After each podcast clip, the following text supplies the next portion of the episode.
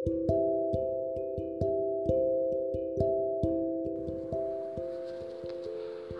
tak bisa cuek kepadamu. Semarah-marahnya diriku Tetap tak bisa diami dirimu. Mungkin karena aku sangat sayang. Atau sebab tak mau hubungan kita menjadi tak nyaman.